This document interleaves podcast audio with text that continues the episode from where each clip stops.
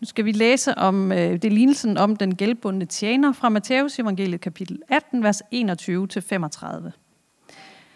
Der kom Peter til ham og spurgte, Herre, hvor mange gange skal jeg tilgive min bror, når han forsynder sig imod mig? Op til syv gange? Jesus svarede ham, jeg siger dig ikke op til syv gange, men op til 77 gange. Derfor, himmeriget ligner en konge, der vil gøre regnskab med sine tjenere. Da han begyndte på regnskaberne, blev en, der skyldte 10.000 talenter, ført frem for ham. Da han ikke havde noget at betale med, befalede hans herre, at han og hans kone og børn og alt, hvad han ejede, skulle sælges og gælden betales. Men tjeneren kastede sig ned for ham og bad, Ha' tålmodighed med mig, så skal jeg betale dig det alt sammen. Så fik den tjeners herre medynk med ham og lod ham gå og eftergav ham gælden. Men da den tjener gik ud, traf han en af sine medtjenere, som skyldte ham 100 denarer. Og han greb ham i struben og sagde, betal hvad du skylder. Hans medtjener kastede sig ned for ham og bad, hav tålmodighed med mig, så skal jeg betale dig. Det ville han ikke, men gik hen og lod ham kaste i fængsel, indtil han fik betalt, hvad han skyldte. Da hans medtjenere nu så, hvad der var sket, blev de meget bedrøvet og gik hen og forklarede deres herre alt, hvad der var sket. Da kaldte hans herre ham for sig og sagde, Du onde tjener, alt den gæld eftergav jeg dig, da du bad mig om det. Burde du så ikke også forbarme dig over din medtjener, ligesom jeg forbarmede mig over dig? Og hans herre blev vred og efterlod ham, nej, og overlod ham til bødlerne, indtil han fik betalt alt, hvad han skyldte. Sådan vil også min himmelske far gøre med hver eneste af jer, der ikke af hjertet tilgiver sin bror.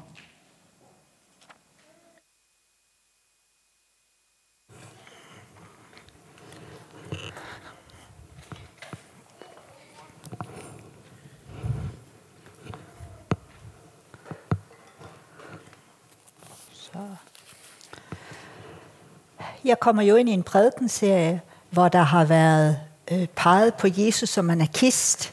Ham, der ikke følger de regler, der er lagt ned i samfundet. Og vi har hørt om, hvordan han gjorde op med forståelsen af, at det var de fromme, dem der holdt loven, de gode, moralsk rigtige, at det var dem, der var Guds øh, foretrukne børn. Nej, Jesus sagde, alle er lige. Også de der syndere, også de der tollere, landsforræderne. Alle er lige. Så.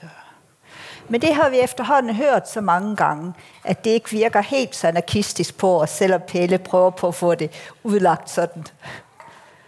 Øh, men nu kommer vi til det her med tilgivelsen, hvor Jesus illustrerer det med en tilgivelse, som er 100% langt ud over det, man kunne forvente – og så faktisk forventer, at vi også skal være anarkistiske i vores tilgivelse. At vi skal ligne Gud som hans elskede børn. Og det kommer lidt tæt på. Og øh, jeg personligt er ikke så god til at være anarkistisk på den konto med tilgivelsen. Øh, så, men det er alligevel det, der står, det er alligevel det, Jesus siger, så vi er nødt til på en eller anden måde at forholde os til det.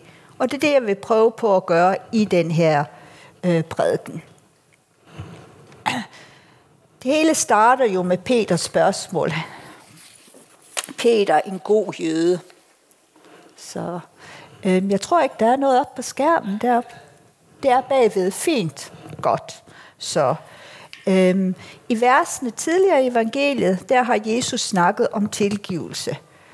Og øhm, Peter, den gode jøde, han har jo forstået, at øh, han ved lidt om tilgivelse inden for jødedommen. Han ved, at øh, de skrifter, der udlægger Gamle Testamente for jøderne, siger, okay, hvis der er nogen, der har gjort noget mod dig, og så fortryder det, siger undskyld, så kan du tilgive ham én gang. Hvis det går galt, virkelig vidt, så vil man i, øh, så vil man sige, så skal man tilgive tre gange i alt inden for jødedommen. Men så er det også slut. Peter, han har forstået, at med Jesus er det lidt anderledes. Så han synes, han viser sig som en præmieelev. En, der virkelig har forstået tingene, han så siger, skal jeg så tilgive syv gange Jesus. Øhm, det er dobbelt så meget som inden for jødedommen. Men øh, Jesus vælter lige lidt hans øh, forståelse af tingene ved at sige 70 gange. Nej, 77 gange. Det kan også forstås som 7 gange 70 gange, altså 490 gange. Øh, og øh, umiddelbart så tænker man, ja, det er godt nok meget, men sådan som vi er, så kan vi hurtigt få det lavet om til, okay, når jeg så er tilgivet det antal gange, jeg skal, så kan jeg kræve min ret. Så kan alle de gange, som han eller hende har forsyndet sig mod mig, så kan de blive samlet sammen fra min hukommelse, og så kan jeg smide det i hovedet på dem. Så. Og man ser også dumme vidighedstegninger, øh, der går på det sådan i, i Amerika for eksempel. Så. Men for at vi ikke skulle misforstå det på den måde, så bliver Jesus ikke færdig her med de, det der tal. Han siger snarere, øh, han kommer med noget andet. Og det har vi brug for at høre, fordi vi er alle sammen de her gode jøder af natur.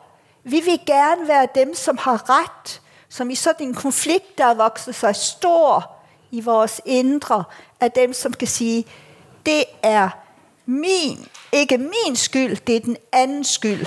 Og så, nu kommer tiden, hvor jeg sådan kan stille dem til regnskab for det.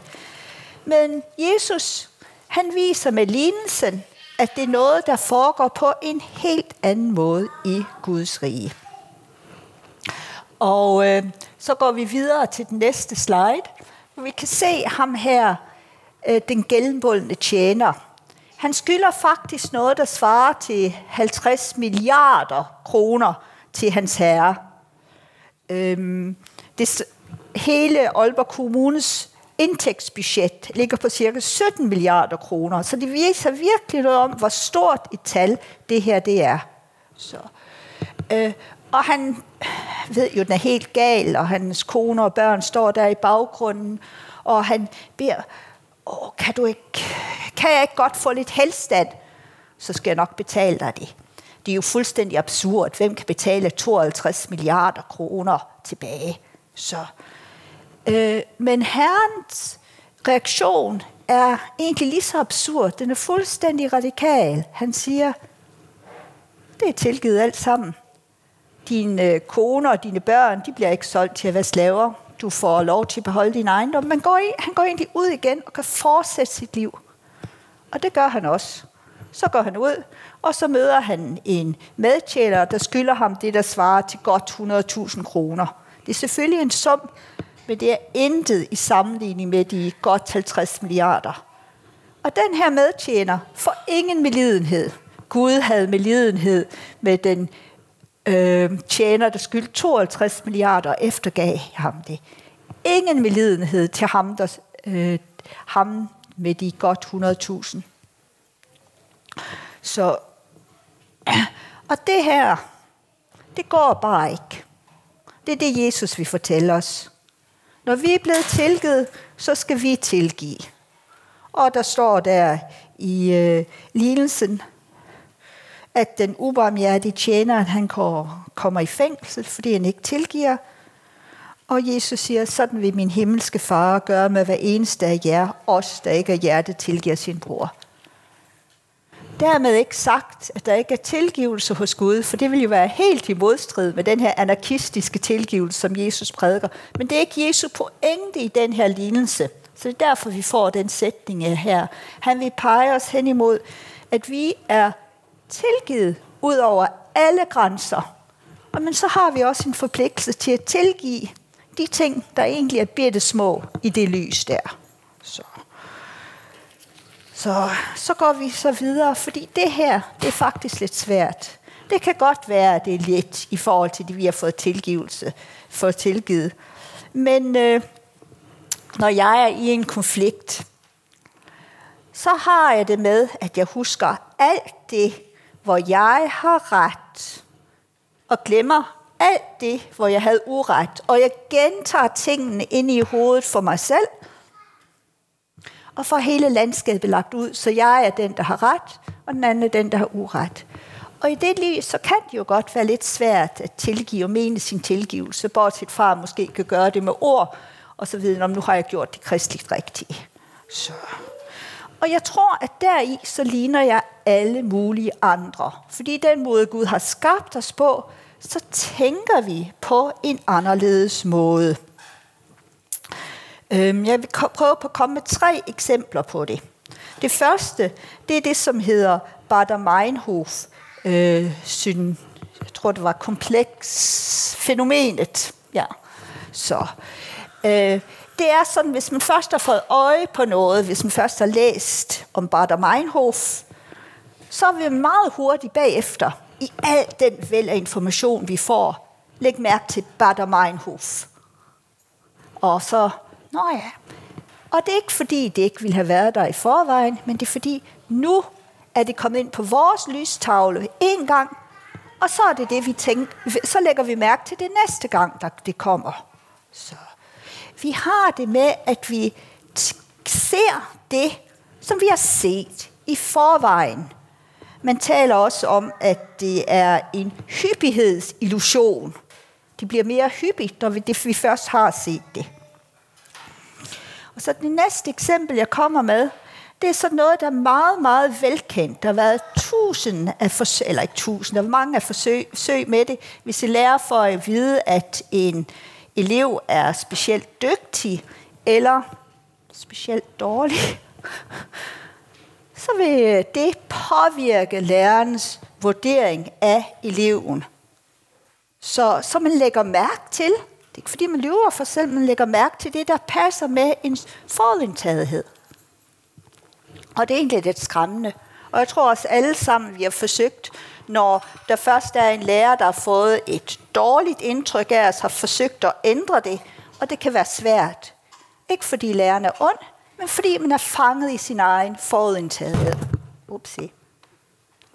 Så, og så kan man tænke, okay, det er sådan, øh, det er også mennesker, sådan som vi fungerer, men inden for naturvidenskab, det objektive, så skal det jo være anderledes. Og der er også Popper, som taler, som øh, taler meget for det objektive inden for naturvidenskab. Men efter ham, så kom der faktisk en anden øh, teoretiker, en Thomas Kuhn, en meget dygtig jøde, som påviste, at man ikke er objektiv inden for naturvidenskab. Man har et paradigme, et mønster, man tænker ud fra, at det kunne være øh, Newtons teorier, det kunne være relativitetsteorien, og så laver man forsøg, hvor man netop forsøger at få bekræftet sine teorier. Ikke få den afvist, men få den bekræftet. Og hvis der så er noget, der ikke passer ind, så siger man, ah, det var nok en fejl i hvor, den måde, vi har målt på. Så man udvælger subjektivt sine forsøg, men der hvor man kigger, og hvis man ser noget andet, så bliver det forkastet. Til at begynde med det der ozonhul, øh, der var øh, over, jeg tror det var Nordpolen, det lagde man ikke mærke til. Der kom masser af data ind, hvor der stod, der var en meget lav koncentration af ozon. Man tænkte, det er alt sammen fejl i øh, instrumenterne, der måler det. Ud til højre med det, som vi ikke, øh, som ikke passer ind i vores måde at tænke på vores accepterede sandheder. Så, så det betyder som konklusion, at vi ikke er objektive, vi er subjektive. Og det er jo ikke så godt, når vi skal prøve på at hæve os op og tilgive, hvis vi er subjektive og fanget i vores egen forståelse af konflikterne. Vi kan ikke bedømme. Der kan være konflikter, specielt med folk, som står os nær inden for familien. Så, hvor vi, så vi har en udgave af sandheden. Vi har en masse fortællinger, som passer til den. Så den anden part, og så en anden udgave af fortællingen. Så ingen er løgnagtig, men hver især har kun lagt mærke til det, der passer med deres overordnede fortælling. Så, Og det er også det, som Jesus han, øh, han har som baggrund, når han taler om splinten og bjælket og bjælken. Vi har en bjælke i vores eget øje. Ud fra det har vi altid ret. Og så kan vi gå der og pille ved andres små fejl. Så, og prøve på at tænke, at det er det store problem. Det er deres splint, hvor det virkelige problem er vores bjælke. Så. Og på trods af det, så stiller Jesus det krav, at vi skal tilgive. På trods af, at det er uhyre svært for os. Jeg tror også, det er derfor, at det mange gange ikke lykkes. så, men så er det et spørgsmål om, hvordan skal vi prøve på at bevæge os et stykke af vejen? For Jesus kalder os ind i hans radikalitet, ind i hans anarki. Så. Og der er lidt hjælp hos Paulus. Han siger, vær altid glade i Herren. Så. Og det er selvfølgelig det her, som Jesus talte om i lignelsen.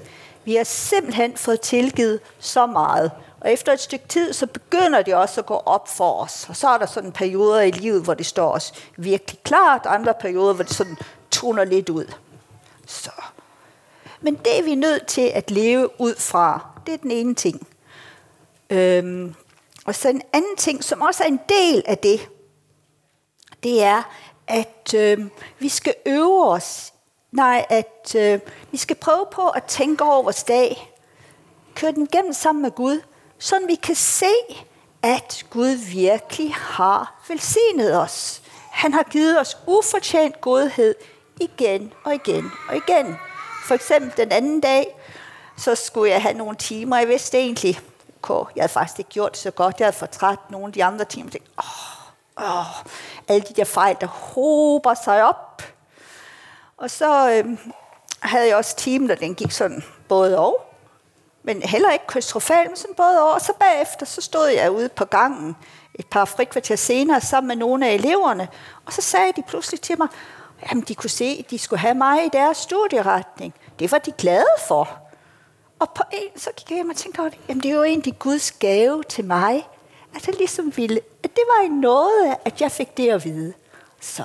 Og på den måde, så har vi brug for at se hele vores liv ind i det her med Guds nåde, og se de mønstre, som er sande, ikke dem, vi får fundet frem i vores hoveder, se dem ind over hele vores liv. Se Guds mønstre i vores liv, at han giver os ufortjent hele tiden på alle mulige niveauer. Og så det andet, det er simpelthen, vi er nødt til at tage det alvorligt, det her med at leve i Guds paradigme, i hans mønster, at vi skal tilgive. Så, og vi har svært ved det. Men Paulus, han, der er et skriftsted, der faktisk har betydet noget for mig i den sammenhæng. For han så siger, at det, det er en konflikt, der har kørt i Korinthermenigheden. Så siger han, at den I tilgiver, tilgiver jeg også. For jeg, hvad jeg har tilgivet, hvis jeg har haft noget at tilgive, har jeg for jeres skyld tilgivet for Kristi ansigt, for at vi ikke skal bedrages af Satan. Vi ved jo, hvad han har i sinde. Øhm, det sjove det er, at Paulus, den her kloge Paulus, måske efter adskillige konflikter er kommet til den konklusion, han kan ikke gennemskue den. Så han siger, hvis jeg har haft noget at tilgive, han træder ligesom et skridt tilbage og siger, jamen, jeg, har, jeg kan ikke bedømme det her, men under alle tilfælde, så vil jeg gå ind under tilgivel, i tilgivelsens mode. Så vil det være, skal det være det, der bestemmer. Så. Øhm.